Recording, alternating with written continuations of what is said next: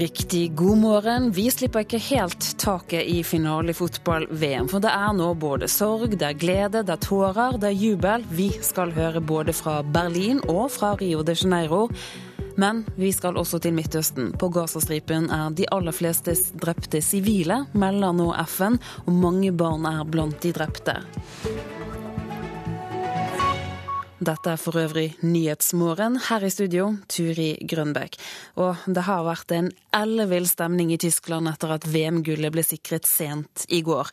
Feiringen den har pågått i hele natt. Det er 24 år etter den forrige VM-seieren, og etter at Mario Götze avgjorde i andre ekstraomgang, så lot tyskerne jubelen slippe løs.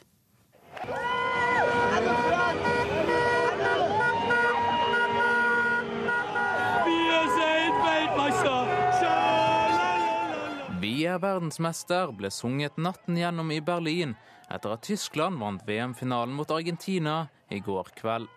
Titusenvis av tyskere tok til gatene for å feire gullet, som ble sikret da Mario Götze var frempå snaue fem minutter før full tid i andre ekstraomgang. Litt så langt i andre, men her kommer det en mulighet, og så sitter den for Tyskland! Og det kan jo være avgjørelsen! Mario Götze!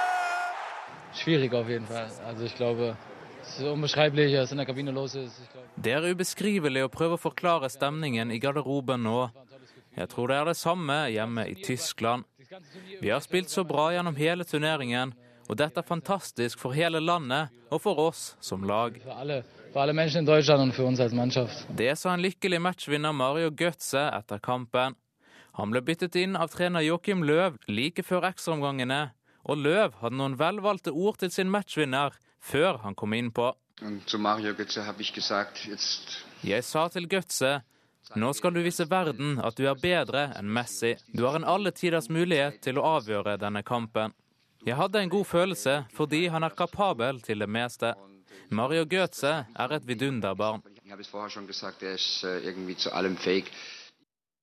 Reporter, det var Olav Havdal Tangenes. Og litt senere her i Nyhetsmorgen så skal vi høre reaksjoner både fra Tyskland, Tyskland og fra Brasil.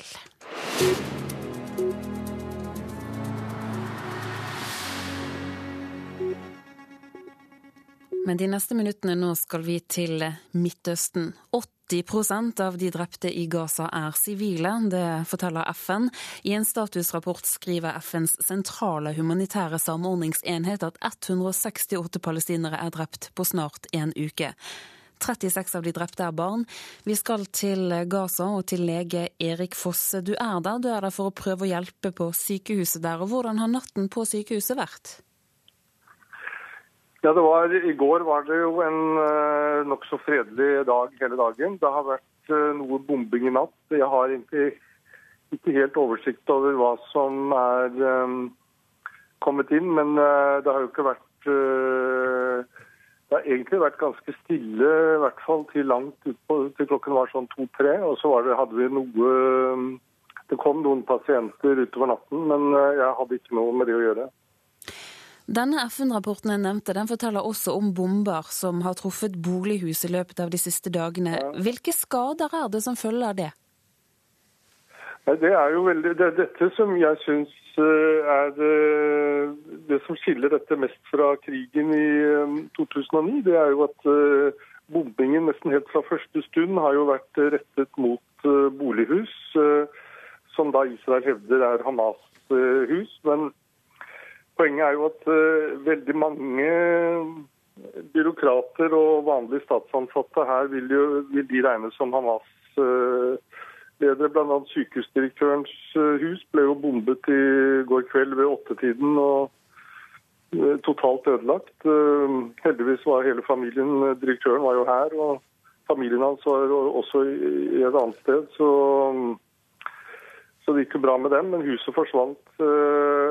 Når vi ser eh, skadene fra når de bomber husene, så er det klart de bruker eh, både raketter og eh, bomber fra jagerfly. Og når de bomber fra fly, så blir jo huset totalt ødelagt. Og da får vi inn pasienter som er skadet dels av den voldsomme eksplosjonen, så de er jo gjerne revet i stykker og veldig ille tilrett. Det er jo sjelden vi får noen som overlever en flybombe hvis den treffer huset.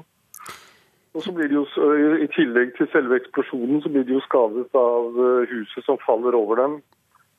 Lege så, så det er ganske Erik Foss, det er litt forsinkelser på linjen her, men beklager, vi er nødt til å avbryte deg der. Takk for at du var med oss her i Nyhetsmorgen. Vi skal høre fra Nils Butenschøn, du er professor i statsvitenskap ved Senter for menneskerettigheter. Det har vært snakket om faren for en bakkeinvasjon på Gazastripen fra Israel. Hvordan vurderer du faren for det, slik situasjonen er nå? Jo, faren er jo selvfølgelig absolutt til stede, avhengig av uh, hvordan ting nå utvikler seg. Uh, det er jo kanskje litt overraskende at den ikke allerede er kommet. Uh, I og med at mobiliseringen for dette har skjedd nå i løpet av de siste, de siste dagene. Og befolkningen i Nord-Gaza er jo blitt advart mot dette av israelerne. Så man har ventet det, og det kan fortsatt komme. Israel sier at det de er ute etter, det er å knekke Hamas. Men hva slags støtte har Hamas blant innbyggerne på Gazastripen? Jo, i en sånn situasjon som vi har nå særlig, så blir jo støtten stor. Eh, hvor stor støtten vil være i valg, eh, vet vi ikke. De vant jo valget klart i 2006. Eh, siden den gang har nok støtten blitt betydelig svekket. Men fortsatt så i hvert fall slik som jeg leser situasjonen, så har Hamas betydelig støtte i, i, i, Gaza. Og det er klart at det som vi nå har opplevd, er at folk ser jo på de israelske aksjonene som eh, altfor kraftige i forhold til de eh, angrepene Hamas har vært ansvarlig for. Så det er jo en, en, voldsom ubalanse her, og det oppleves som svært urettferdig sett fra befolkningens side. Så det styrker jo Hamas. og Sett fra Hamas' side så er jo, siden de var i en så vanskelig situasjon kort tid før dette skjedde, så gir denne situasjonen en mulighet for de til å mobilisere støtte også i egen befolkning. Nils Butenschøn, professor i statsvitenskap, takk for at du var med oss her i Nyhetsmorgen. Vi skal hjem igjen og høre at nordmenn er blitt flinkere til å gi livreddende hjelp. Dersom du opplever hjertestans, så er, den, like, så er sjansen for overlevelse like stor når du er på sykehus som når du faller om på gaten, viser fersk forskning fra Universitetet i Bergen. 83 år gamle Halvard Grindlia fikk hjelp da hjertet hans sluttet å slå. Ja, Hvis jeg ikke hadde fått det, så hadde jeg vel vært eh, hinsides. Halvard Grinlia var allerede innlagt på sykehus da hjertet hans stanset og sto stille i 20 minutter. Jeg blei jo innlagt på Sykehuset Telemark og skulle ta en vanlig prostataoperasjon. Og den gikk i og for seg greit, men i etterkant av den så fikk jeg en voldsom blodforgiftning. Og det var den som starta opp eh, alt elendigheten, da, tydeligvis. For da kom det først et hjerteinfarkt, og så hjertestans. En doktorgrad NRK tidligere har omtalt fra Universitetet i Oslo, viste at muligheten for å overleve hjertestans er mellom to og tre ganger så høy dersom det startes hjerte- og lungeredning umiddelbart. De må ha hatt noe kompresjon og sånn på brystkassa, så de har fått litt blod til hjernen. Ellers så hadde jo den vært nokså tom, tror jeg. Jeg pleier å si det sånn at jeg har ikke fått noe mer vett, men jeg tror ikke jeg har noe mindre stort heller. Og nå viser fersk forskning altså at like mange, i overkant av 16% overlever hjertestans enten om de er innlagt på sykehus når det inntreffer, eller om det skjer mens man er ute blant folk. Overlevelse etter hjertestans utenfor sykehus i Norge er veldig god eh, når man sammenligner med med tall fra andre land. Det sier Eirik Alnes Buane, som er en av forskerne bak rapporten som viser de nye tallene. Studien viser at sykehuspasientene naturlig nok mottok hjerte- og lungeredning raskere av profesjonelle enn de som opplevde hjertestans utenfor sykehuset, men allikevel er overlevelsestallene like. Det kan nok skyldes at eh, folk i Norge er flinke til å gripe inn de står ikke og ser på hvis, eh, hvis, eh, noen faller om på gata. De hjelper til. og Det viser våre tall også. At eh, de fleste som får hjertestans i Norge, de får hjelp. Grindlia fikk hjelp på sykehuset, hvor man regner med at ordentlig hjerte- og lungeredning er en selvfølge. Men som en som vet hvor galt det kunne gått, er han glad for å høre at flere vanlige folk også kan hjelpe. Det er klart at hvis det kommer et menneske og finner deg bevisstløs i tilstand, så er det veldig viktig at de vet hva de skal foreta seg. For 83 år gamle Grinlia har det gått bra. Han sier han er nesten god som ny, og takknemligheten overfor de som hjalp han, er tydelig. Ja, de har gjort en formidabel innsats. Jeg holdt på å si, jeg måtte jo se etter om det begynte å vokse vinger ut på ryggen på dem. Det var reine englene, mange av dem. Reporter, det var Anne Rydland Nærum. Leder for Oslo Røde Kors sitt hjelpekorps, Stig Andersen, velkommen litt til Nyhetsmorgen. Hva synes du om nordmenns evne til hjerte- og lungeredning? Jeg syns det er eh, bra. Jeg syns det er veldig ålreit at folk bryr seg. Og at de eh, har lært seg i hvert fall nok til å til å ikke stå stille og, og se på. Nei, for Én ting er å gripe inn, men en annen ting er vel å vite hva man skal gjøre. Ja. Ehm, det aller, aller eh, viktigste når, når ting går galt, det er jo å ringe til hjelp. Ehm, fordi vi klarer ikke disse tingene aleine. Da må man ringe 113 med en gang. Og der får man den hjelpen både på telefon, og så kommer det noen etter hvert som man trenger. Men det å vite eller å forstå eller skjønne at det er noe alvorlig galt som har skjedd, det, kan, det er jo ikke alltid så enkelt det heller. Nei, eh, vi har noen, heldigvis noen gode indikatorer. Eh, det å være bevisstløs er jo en god indikator på at noe ikke er som det skal være. Eh, bevisstløs er altså at du ikke reagerer når jeg snakker til deg eller rister litt i deg. Og det jeg da vil vite, er om du puster eller ikke. Hvis du ikke puster, da vil jeg ringe 113 med en gang og starte kompresjoner.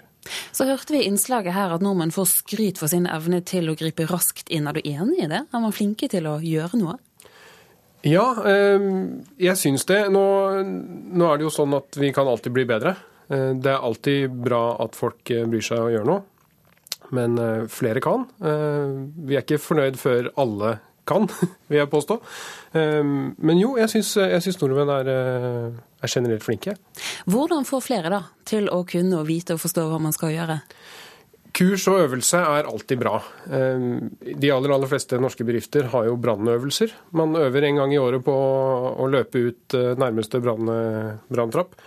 Så hvorfor ikke også øve på hjertestans eller på hjerneslag eller på andre ting som, som man fort kan risikere å å møte på i hverdagen. For å ta det da. Hva er reglene i dag på dette med hjertekompresjoner f.eks.? Jo, um, da skal man etter å ha varsla, så begynner man med 30 kompresjoner.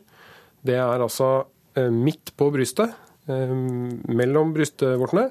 Så trykker man da, gjerne så hardt man kan, 5-6 cm ned i en god rytme. 100 per minutt f.eks. Um, og så skal man da forsøke på to innblåsninger. Eh, og Da sier jeg forsøke, fordi det aller, aller viktigste det er å komprimere. For når vi komprimerer, så overtar vi hjertets funksjon. Altså å presse blodet rundt omkring i kroppen. Og det er det aller, aller viktigste akkurat i den situasjonen. Så da er mye gjort. Stig Andersen i Oslo Røde Kors, takk for at du kom hit til Nyhetsmorgen. Det er en stor gevinst i å kutte ut kontanter, mener Finans Norge, som håper at vi er kontantløse om bare seks år. Organisasjonen mener nordmenn kun bør betale med kort og mobiltelefon eller på nett, og allerede bruker mange nordmenn helst kortet. Jeg pleier å betale med kort. Alltid. Pleier å betale som regel med kort. For tiden eh, mest med kort. Hvorfor det? For eh, jeg gidder ikke å gå med lommebok, det er så mye å bære på. Og det er de ikke alene om. For nordmenn tar ut stadig mindre kontanter i butikker og i minibank. Kontanter utgjør nå kun 4% av husholdningens pengebruk. I løpet av årets første halvår er det gjennomført 744 millioner kortkjøp, noe som er en økning på 8,6% sammenlignet med fjoråret, viser tall fra Nets og Finans Norge. Dette er gode nyheter, mener administrerende direktør Idar Kreutzer i Finans Norge. For det første så reduserer det risikoen for ran. Det øker tryggheten for folk flest. Det andre er eh, at elektronisk betaling forebygger eh, økonomisk kriminalitet. Det er lettere å spore elektronisk betaling enn det er kontanter. Eh, og det tredje er at det sparer samfunnet for store kostnader. Finans Norge håper derfor på et kontantfritt Norge innen 2020, hvor vi enten betaler med kort, mobiltelefon eller på nett. Vi har eh, tatt til orde for at Norge kan bli verdens første kontantfrie samfunn. Men vil ikke dette forslaget ramme mange, f.eks. eldre mennesker? Det er nok en myte at de eldre henger så veldig etter. Erfaringen viser og tallene viser at eldre forbrukere ligger langt fremme. Det står ingenting i regjeringserklæringen om et kontantfritt Norge. Venstres Guri Melby ser ingen grunn til å fremskyve prosessen, og sier at kontanter er viktig for å kunne leve et sporløst liv. Og det vil si at det må være mulig å betale for ulike varer og tjenester uten å registrere seg. Per i dag så er den muligheten aller best ivaretatt ved at det er mulig å bruke kontanter. Og vi tror også at det er ganske naivt å tro at kriminalitet forsvinner ved at man fjerner kontanter. Eh, vi ser jo allerede i dag at kriminaliteten forflytter seg over til nye områder. Det er like mye svindel av eh, bankkort og av elektroniske betalingsmåter. Eh, og vi ser også at nye betalingsmåter som bitcoin dukker opp. Så muligheten for kriminalitet og svindel det er ikke avhengig av hva slags type betalingsformer vi har i samfunnet vårt. Reporter, det var Sunniva Ottersen Bærhaug.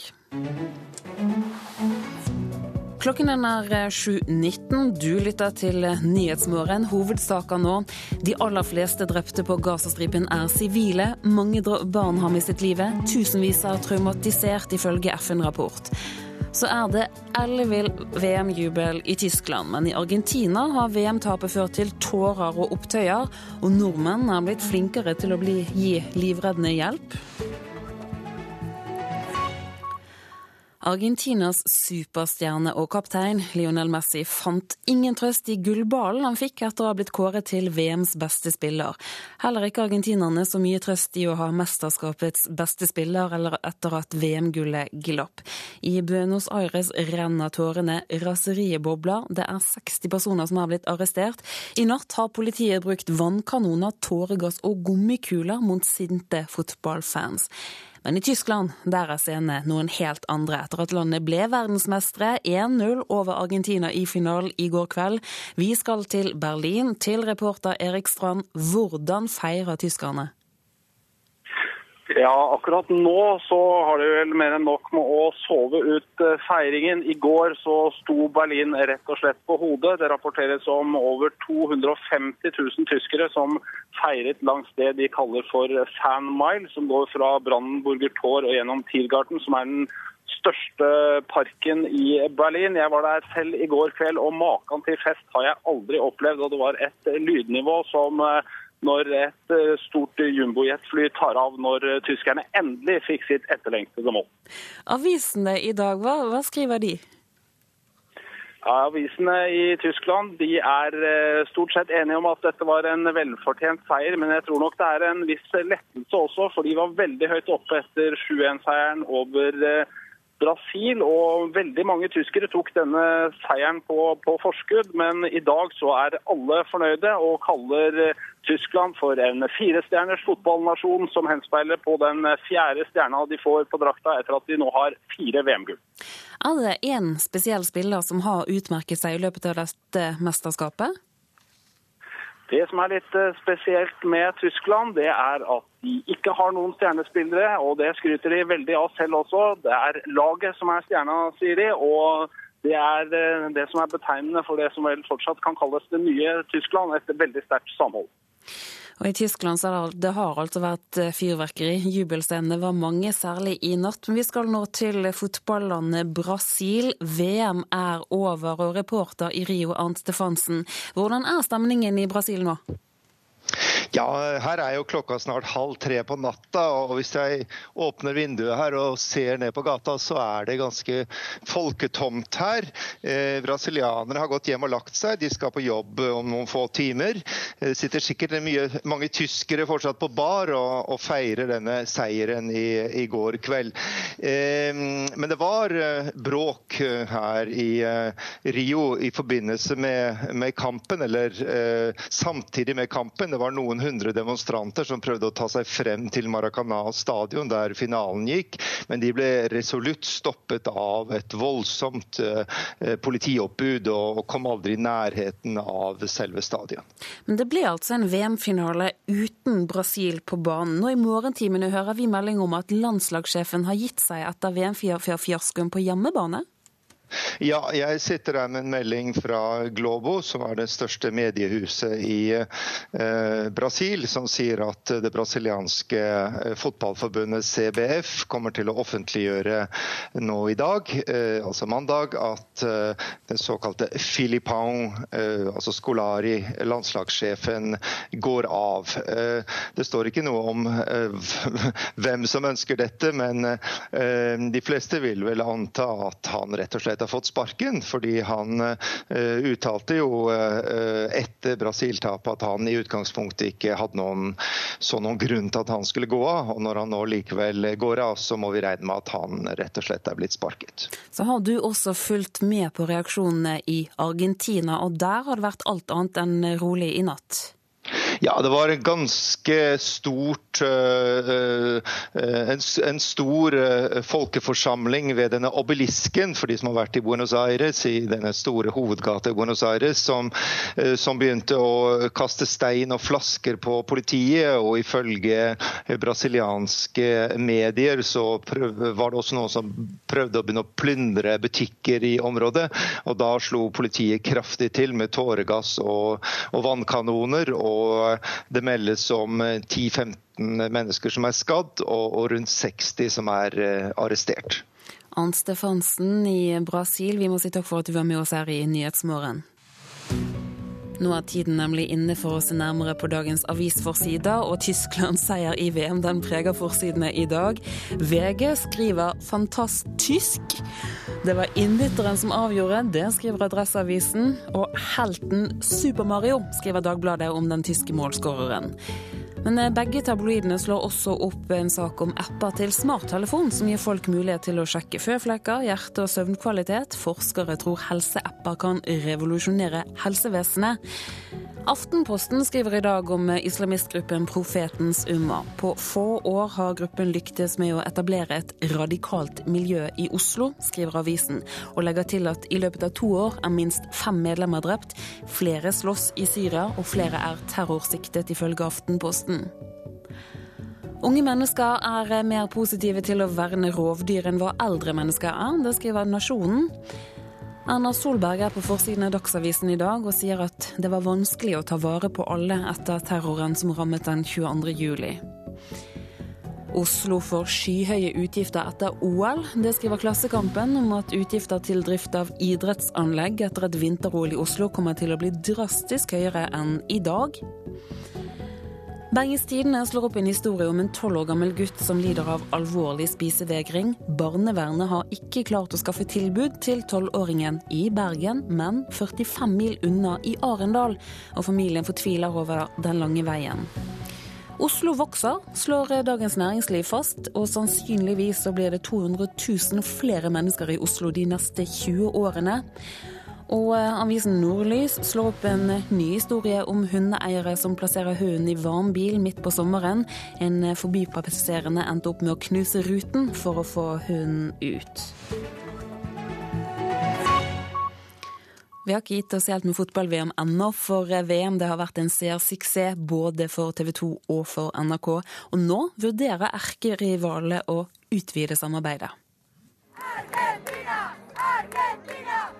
Fotballfansen har samlet seg foran VM-finalen mellom Tyskland og Argentina ved Kontraskjæret i Oslo.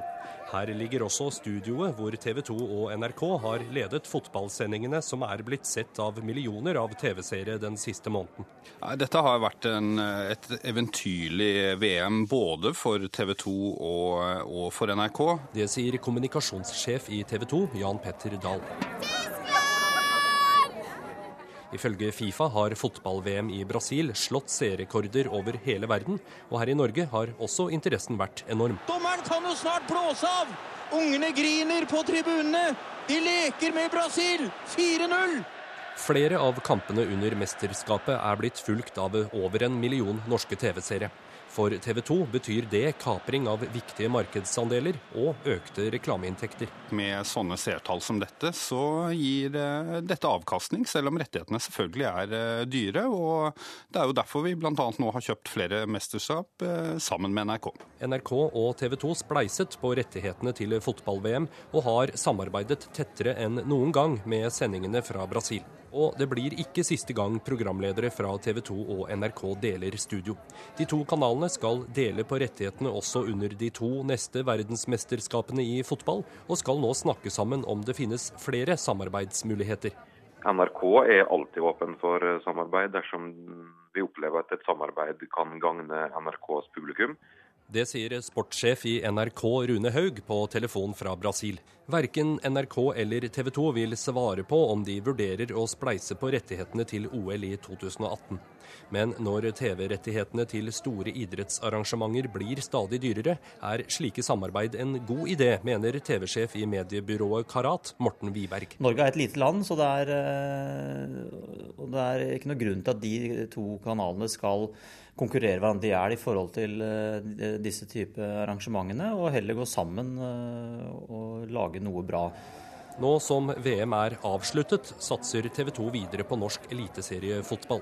Men for fansen på kontraskjæret blir det ikke helt det samme når Müller og Messi byttes ut med Gamsten og Grindheim. Det burde være helt blåmandag så jævlig. Reporter her, det var Halvor Haugen. Du lytter til Nyhetsmorgen i NRK P2 og Alltid nyheter. Her blir det straks klart for siste nytt fra Dagsnytt. Det er Elise Heisel Asbjørnsen som er produsent for Nyhetsmorgen i dag. Her i studio, Turi Grønbæk. Og like etter nyhetene skal vi til Gazastripen og til en amerikaner som nå har reist til Gaza og bygger det nye Palestina.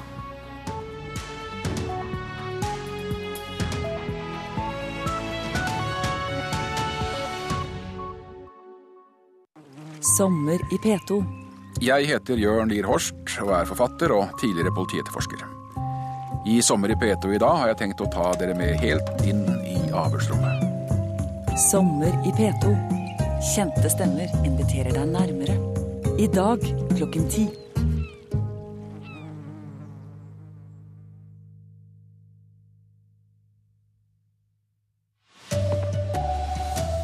Første gull til Tyskland på 24 år. VM-finalen i fotball skapte opptøyer i Argentina. Bombinga av Gaza bryter med folkeretten, mener israelsk menneskerettsorganisasjon. Og nordmenn er blitt flinkere på å gi livreddende hjelp ved hjertestans. Her er NRK Dagsnytt klokka 7.30. Minst 15 personer er skadde og over 60 er arresterte etter opptøyer i den argentinske hovedstaden Buenos Aires i natt. Tyskland slo Argentina 1-0 i VM-finalen, og 24 år etter førre VM-gull kunne tyskerne slippe jubelen løs.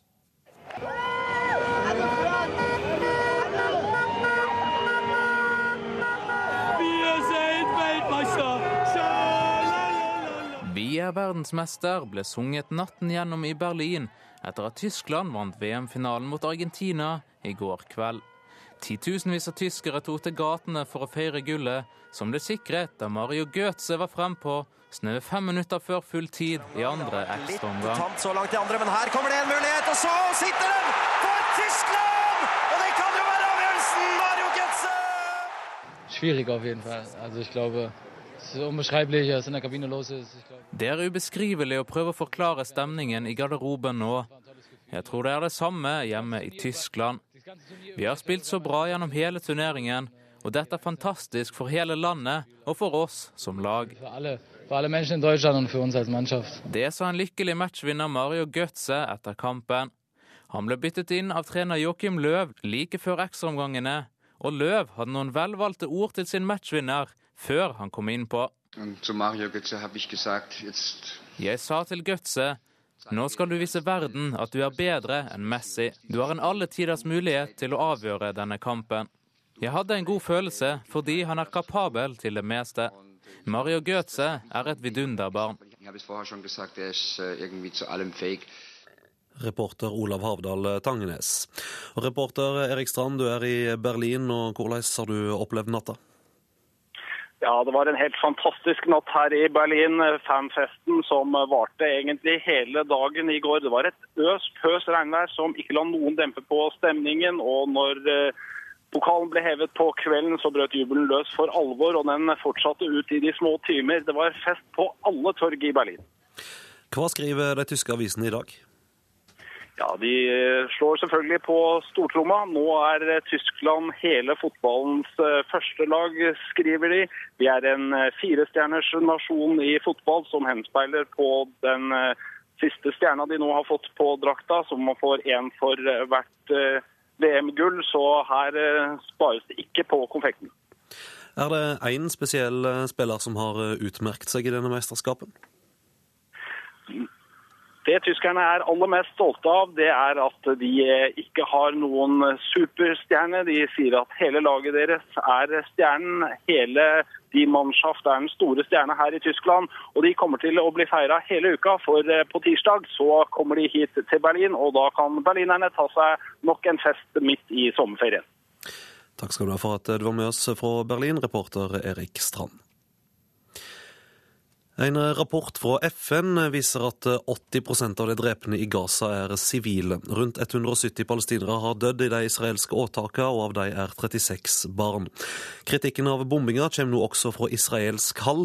Menneskerettsorganisasjonen Betzelem hevder Israel bryter folkeretten ved å bombe sivile mål. Og Utenriksmedarbeider Tom Kristiansen, hva er det organisasjonen viser til i rapporten sin? Det er særlig når Israel har bombet hus hvor det bor militante palestinere palestinere med sine familier, så mener Israel at det kan man bombe. Det er et militært mål, og det strider mot folkeretten ifølge Betsalem. Ikke før det er fullt av våpen, militær aktivitet, kan man se det som et militært mål. Hva sier folkeretten om bombing i tettbygde strøk som Gaza? Ja, Folkeretten beskriver jo ikke akkurat det. Genévekonvensjonen beskriver derimot eh, eh, hvordan sivile skal beskyttes. Og det er forbud mot å true sivile med vold i den hensikt å skape frykt. Og sivile skal beskyttes med mindre de tar direkte del i kampen. Og det er det som da kommer inn her. Sivile som ikke deltar i kamphandlinger og heller ikke utfører noe arbeid av militær karakter, de skal beskyttes. Altså sivile sivile skal beskyttes, selv om de bor sammen med militære. Hvor representativ er denne israelske menneskerettsorganisasjonen? Ja, De er en eh, ganske tung organisasjon. Forskere, akademikere, jurister, medlemmer av Knesset støtter og deltar i organisasjonen. Det er mange frivillige. De får støtte fra mange kirkelige institusjoner og kirker rundt omkring i verden, særlig fra Europa og fra USA. Norge støtter jo denne organisasjonen og har gjort det lenge, fordi de har så presise resultater i sine rapporter. Takk skal du ha, utenriksmedarbeider Tom Kristiansen. Nordmenn er blitt flinkere til å gi livreddende hjelp. Ny forskning fra Universitetet i Bergen syner at det er like stor sjanse for å overleve en hjertestans på gata som på sykehus. 83 år gamle Halvard Grindlia fikk hjelp da hjertet hans slutta å slå. Ja, Hvis jeg ikke hadde fått det, så hadde jeg vel vært hinsides. Halvard Grinlia var allerede innlagt på sykehus da hjertet hans stanset og sto stille i 20 minutter. De må ha hatt noe kompresjon og sånn på brystkassa, så de har fått litt blod til hjernen. Ellers så hadde jo den vært nokså tom, tror jeg. En doktorgrad NRK tidligere har omtalt fra Universitetet i Oslo, viste at muligheten for å overleve hjertestans er mellom to og tre ganger så høy dersom det startes hjerte- og lungeredning umiddelbart. Og nå viser fersk forskning altså at like mange, i overkant av 16% overlever hjertestans enten om de er innlagt på sykehus når det inntreffer, eller om det skjer mens man er ute blant folk. Overlevelse etter hjertestans utenfor sykehus i Norge er veldig god når man sammenligner med med tall fra andre land. Det sier Eirik Alnes Buane, som er en av forskerne bak rapporten som viser de nye tallene. Studien viser at sykehuspasientene naturlig nok mottok hjerte- og lungeredning raskere av profesjonelle enn de som opplevde hjertestans utenfor sykehuset, men allikevel er overlevelsestallene like. Det kan nok skyldes at folk i Norge er flinke til å gripe inn de står ikke og ser på hvis, hvis, noen faller om på gata. De hjelper til. og Det viser våre tall også. At de fleste som får hjertestans i Norge, de får hjelp. Reporter Anna Rydland Nærum. Helsebyråden i Oslo, Øystein Eriksen Søreide, er uroa over auka i hiv-smitte blant menn som har sex med menn. Det virker som om noen ikke bryr seg om risikoen, sier han til Dagsavisen. Samtidig vedgår helsebyråden at Oslo kommune ikke har klart å nå skikkelig ut med informasjon til risikogruppene. Hunden som beita ei to år gammel jente i Trøndelag skal avlives. Toåringen døde av skaden etter bitt i Selbu tidligere denne måneden. Ifølge Adresseavisen blir hunden avliva etter ønske fra foreldra til jenta. Toåringen ble biten da hun og storesøstera på åtte år var inne i en hundegard med over 20 hunder. Det vil være mye penger å hente dersom vi kutter ut kontanter og i stedet betaler med kort, mobiltelefon eller på nett. Det mener Finans Norge, som representerer over 200 norske finansselskap. Organisasjonen håper vi er et kontantløst samfunn innen 2020. Jeg pleier å betale med kort. Alltid. Jeg pleier å betale som regel med kort. For tiden eh, mest med kort. Hvorfor det? For eh, jeg gidder ikke å gå med lommebok, det er så mye å bære på. Og det er de ikke alene om. For nordmenn tar ut stadig mindre kontanter i butikker og i minibank. Kontanter utgjør nå kun 4% av husholdningens pengebruk. Dette er gode nyheter, mener administrerende direktør Idar Kreutzer i Finans Norge. Det reduserer eh, kostnadene vesentlig. Det øker eh, sikkerheten og reduserer faren for eh, ran og det forebygger økonomisk kriminalitet. Finans Norge håper derfor på et kontantfritt Norge innen 2020, hvor vi enten betaler med kort, mobiltelefon eller på nett. Vi har eh, tatt til orde for at Norge kan bli verdens første kontantfrie samfunn. Venstres Guri Melby ser ikke noen grunn til å fremskyve prosessen, og sier at kontanter er viktig for å kunne leve et sporløst liv.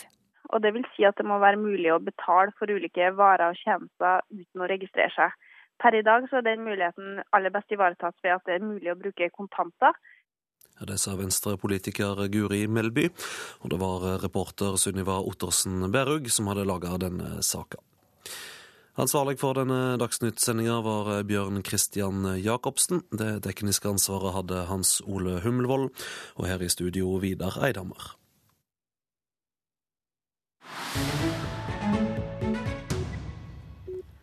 Nyhetsmorgen fortsetter nå. Vi skal til Midtøsten. Jeg håper israelere ser på oss som mennesker, det sier Sami Abdel Shafi.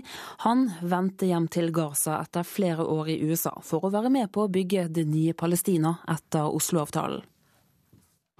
Jeg ser det er et hvitt kors som flyr opp i lufta der. Rett opp.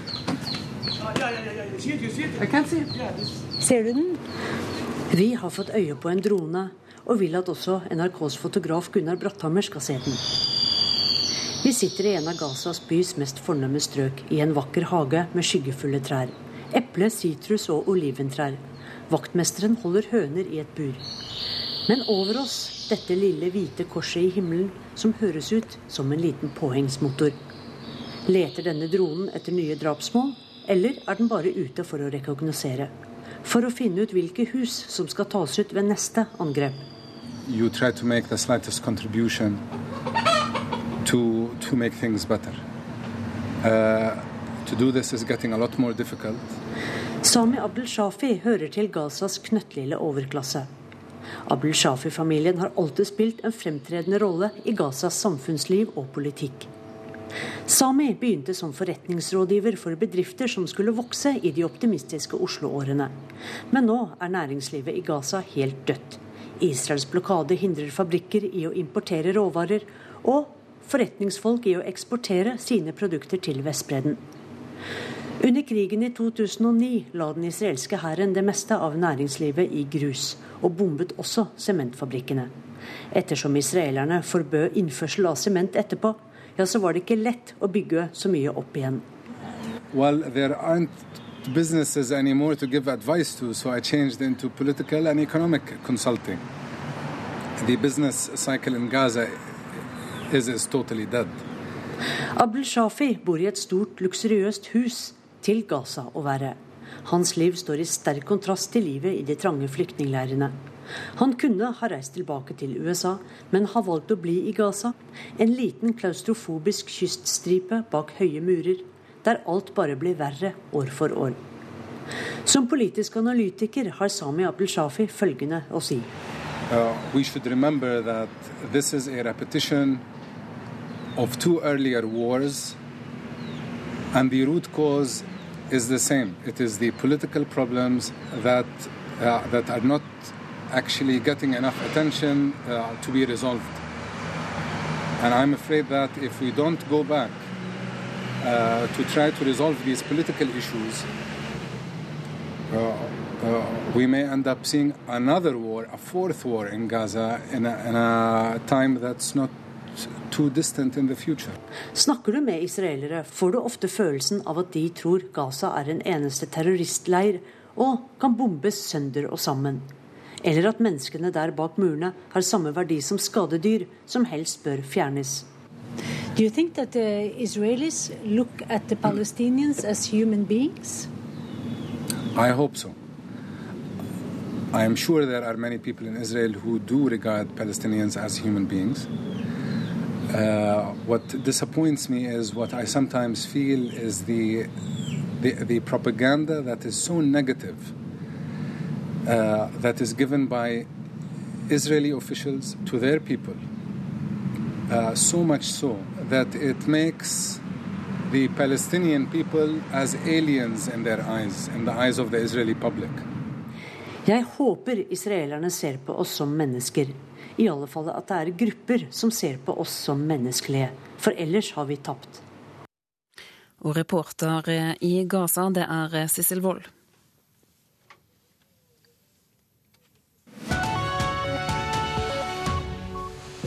Du lytter til Nyhetsmorgen. Klokken er 7.44. Hovedsaker nå. De fleste som har mistet livet på Gazastripen er sivile.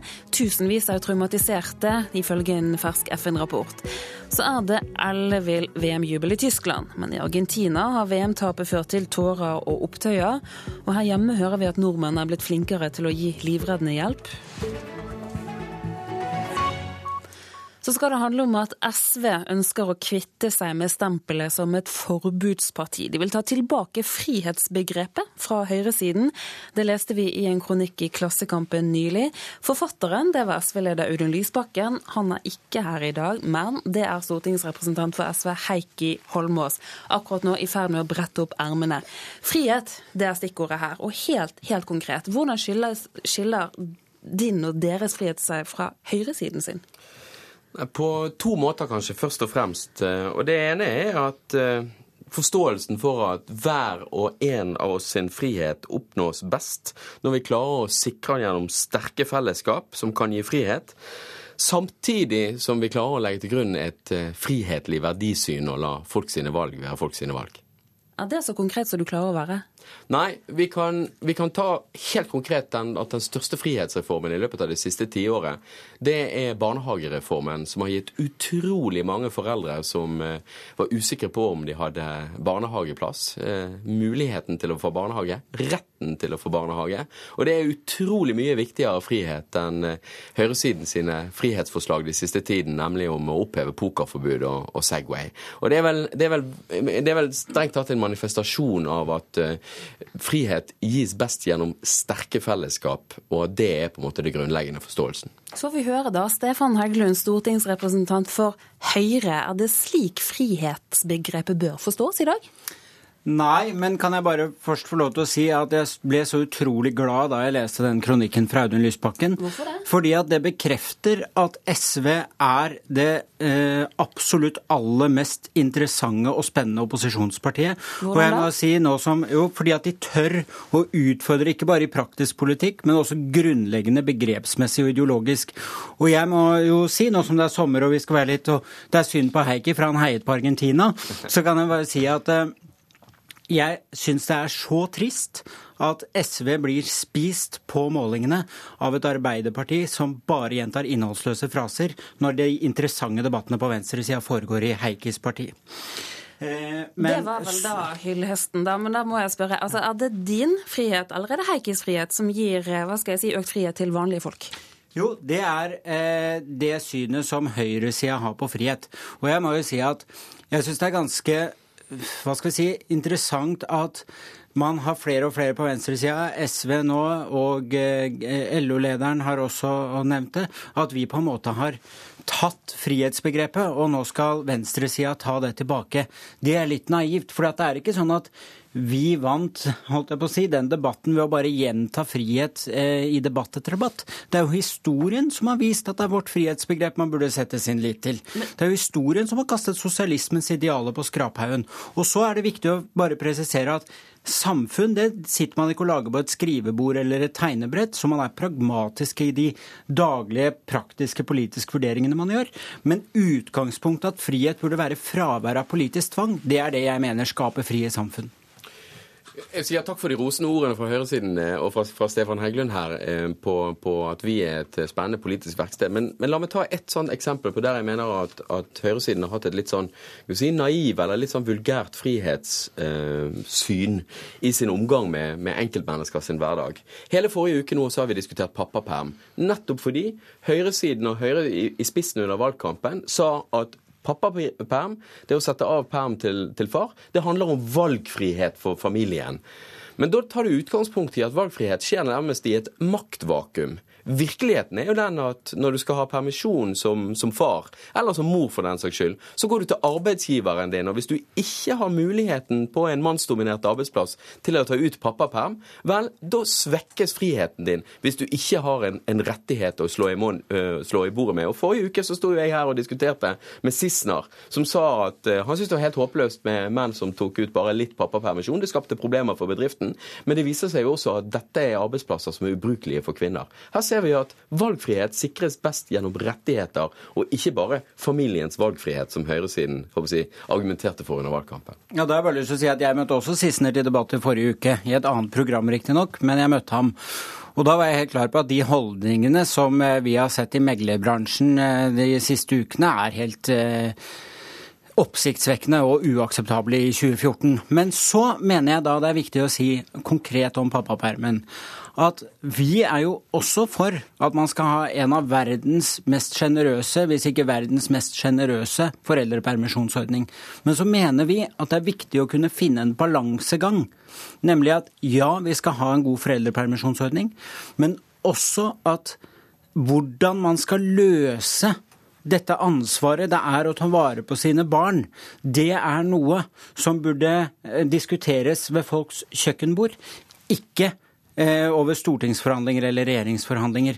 Og Det er jo den balansegangen vi er opptatt av å ta vare på. Nemlig slik at familiene får den valgfriheten til å legge opp sin situasjon slik det passer best deres familieliv og arbeidslivssituasjon. Eller at arbeidsgiver får den friheten til å gjøre med arbeidstakerne sine som de vil. Det er vel det som er Hekkes poeng? Ja, og vi har jo skjønt at eh, det har vi jo sett, eh, og det visste vi også fra før, at det er eh, noen arbeidsgivere som har helt antikvariske holdninger på dette spørsmålet. Men det er nok ikke normen, for å si det på den måten. Og jeg tror at veldig mange setter pris på, og det vi også, får vi jo også meldinger om nesten hver dag, at det er folk som setter pris på at de får den økte valgfriheten til å legge opp sine egne familieliv. Men poenget her er jo ikke at vi er imot fellesskapsløsninger. Vi setter også pris på fellesskapsløsninger, mener det er viktig i et sivilisert samfunn. Vi mener at også man skal kunne ta vare på de små fellesskapene, og det er akkurat det det også handler om. Det finnes mer enn ett fellesskap. Familien er en del av små fellesskap. Der bør det også være grenser for politikkens makt, hvor langt politikken skal inn i hjemmet, og dette er jo pappapermdebatten et ganske godt eksempel på. Og dette er jeg sikker på at dere kunne snakket lenge om, men tiden begynner å gå fra oss. Heikki Holmås, jeg må spørre deg litt mer konkret. Hvordan skal dere ta tilbake dette frihetsbegrepet? Nei, det, det, ene er jo å diskutere og komme med konkrete og vise konkret hvordan friheten finnes gjennom fellesskap og gjennom sterke fellesskap, og hvordan friheten blir svakere for folk i det øyeblikket du åpner opp for dereguleringer. Ta f.eks. i arbeidslivet. Åpner du opp for søndagsåpne butikker, vel, da er det frihet for de som har muligheten til å handle, men det er ufrihet for de som blir nødt for å jobbe. Eh, men samtidig så finnes det jo også en, si, en ideologisk kjerne her som jeg er skuffet over høyresiden i løpet av det året som har gått, og der jeg håper at du også kan få en sterk sterkere debatt også i Høyre. Fordi det vi har pleid å stå sammen om, er jo de liberale grunnverdiene. Mens der ser vi f.eks. dette ble truet av overvåkning gjennom datalagringsdirektivet, som jo Høyre var for, men som heldigvis EU-domstolen har stemt ned. Men også gjennom tiggerforbudet. Der altså, Du skal få lov å spørre meg på gaten om eh, jeg har lyst til å bli medlem av Høyre, men du har ikke lov å spørre meg om jeg kan hjelpe deg med en skjerv. Og det mener jeg det er et angrep på det mest liberale vi har, nemlig ytringsfriheten. Og Vi er så i ferd med å slippe opp for tiden. du skal få svare helt kort på det til slutt, Heggelund. Ja, jeg mener tiggeforbudet det er en utrolig kompleks sak, og jeg tror ikke, jeg tror ikke frihetsdebatten er det jeg ville hatt eh, da ville jeg ikke tenkt på tiggeforbudet først og fremst. Jeg er mest glad for nå at SV og Høyre tydeligvis kan gå sammen om en del antipaternalistiske holdninger, for å si det sånn. Altså anti-overformynderi. Det var jo det jeg opplevde at Audun Lysbakken la opp til i den kronikken han skrev i Klassekampen, og jeg gleder meg til å se de resultatene i praksis. Og der er det bare dessverre slik at vi må sette punktum. Heikki Holmås fra SV, takk for at du kom hit til Nyhetsmorgen. Takk også til Stefan Heggelund. Nå er det tid for vår sommerserie.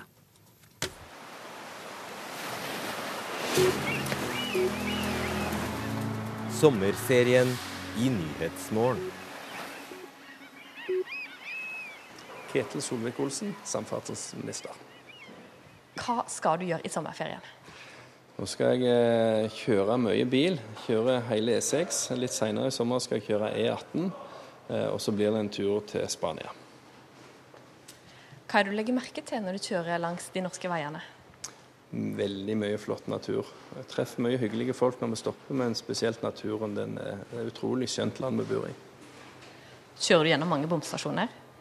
Det er dessverre en del bomstasjoner òg, så det er mye minner om den rød-grønne regjeringen. Men jeg håper at folk vil se færre og færre av de etter hvert. Hvem av personer som du ikke kjenner fra før, ville du ha delt eh, ei korg jordbær med? Altså, jeg er jo fascinert av mine gamle helter, som er alt fra Ronald Reagan til Nelson Mandela. Så kunne jeg fått de to eh, tilbake i live, så hadde det vært en aldeles utmerka jordbærtur. Bør det bli lov til å ta seg øl eller et glass vin i parken? Jeg er avholdsmann, så sånne spørsmål har jeg aldri brydd meg særlig om. Eh, så lenge jeg får lov til å ha med sjokomelka mi, så er jeg fornøyd. Bør hasj bli eh, lovlig? Nei. Hvorfor ikke? Det skader kroppen, og mange folk gjør ting eh, som de ikke burde gjort i hasjrus. Så det er ødeleggende for samfunnet og ødeleggende for den enkelte. Gir du penger til tiggere? Nei, men jeg gir penger til veldedige organisasjoner. Vi har et så godt sosialt nettverk og så mange som hjelper folk som har det vondt i Norge, at eh, tiggere på gata har mange muligheter til å få seg hjelp hvis de vil. Kunne du sendt barna dine på privatskole? Ja, det kunne jeg. Men nå går de på offentlig skole og trives òg veldig godt der. Men det er avhengig av hvilket tilbud eh, en har på ulike skoler, og hva mine barn får lyst til å gjøre når de blir litt eldre. Og Da syns jeg vi skal la barn få lov til å utvikle de egenskapene de har, uavhengig om det er privat eller offentlig skole som tilbyr det. Hva skulle til da for at du hadde bytta skole for dem? Nei, Hvis det, mine barn viser en spesiell egenskap innenfor et område der offentlig skole ikke tilbyr en god utdanning, så ville jeg valgt en privatskole. Monarki eller republikk? Jeg har vært i Hans Majestet Kongens Gardes musikktropp. Jeg er forplikta til å være for monarkiet. Hvis du fikk all makt i Norge og kunne endre én ting permanent, hva hadde du valgt? Janteloven. Den skal bort. Hvorfor? Fordi at vi må få litt mer frihet til å være den en ønsker å være. Få lov til å utvikle seg selv, og ikke hele veien få den konforme tilnærmingen til alle problemer, alle utfordringer og all væremåte i dette landet. På hva slags måte merker du janteloven i din hverdag? Nei, sånn Generelt så er det det å stikke hodet fram og, og, være idealistisk på noe, ville noe, så er det alltid så mange som eh, skal dra deg ned igjen, og som skal sette deg i bås. Og det heller tar folk for det de er, med sine særegenheter og lidenskaper, det, det burde vi være mye mer åpne for. Merker du litt på den der Frp-båsen? Ja, den, den, er helt åpenbar. Det er mange som fortsatt prøver å dytte oss inn i deres egen vrangbilde av hva Frp er, istedenfor å dømme oss etter hva vi faktisk gjør nå i regjering. Eh, men det lever jeg godt med. Jeg vet trygt på hvem jeg er, hva jeg har vært hvilke partier jeg har vært. Jeg har tross alt vært medlem der i eh, snart 30 år. Eh, at andre ikke liker oss, det aksepterer jeg. Men det å alltid sette folk i bås basert på sine egne fordommer, det er ikke alltid bra. Er NRK-lisensen for høy? Ja. Bør den ned? Ja. Hvor mye? Mye. I prosenter? Jeg er avholdsmann, så jeg snakker verken om promille eller prosent. Men den bør ned. I kroner, da? Mye. Halvering? Kanskje. Ups. God sommer. Takk i like måte.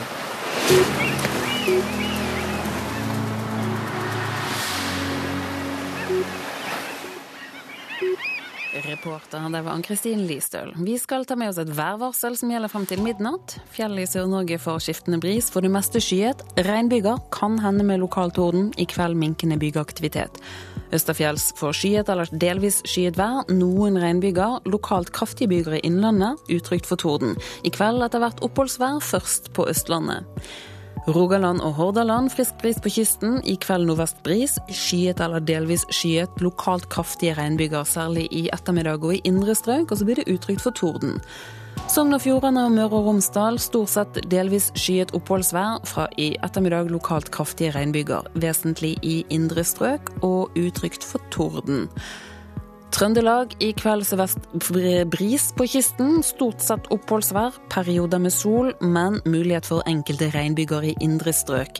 Fra i ettermiddag lokale regnbyger, vesentlig i indre strøk i sør, og så blir det utrygt for tordenvær.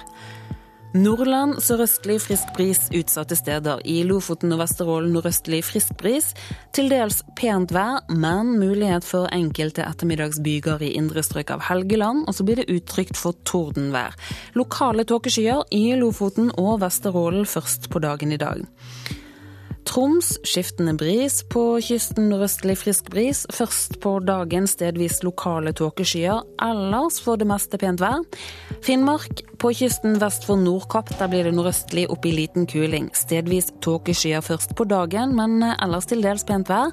Og så blir det mulighet for enkelte ettermiddagsbyger i indre strøk. På kysten i øst der blir det lokalt skyet hele dagen. Og Nordensjøland på Spitsbergen får nordvestlig bris og oppholdsvær og til dels pent vær. Så temperaturene de er målt klokken sju i dag tidlig. Da hadde Svalbard sju grader. Kirkenes 11. Vardø 8. Alta 18. Tromsø hadde 11 grader, Bodø 20. I Brønnøysund så var det 24 grader. Trondheim hadde 19. Det var det også i Molde. Bergen 16 grader, Stavanger også 16, Kristiansand 18, Gardermoen 17 grader, Lillehammer 16, 16 grader det var det også på Røros, og Oslo-Blindern hadde 18 grader klokken sju i dag tidlig.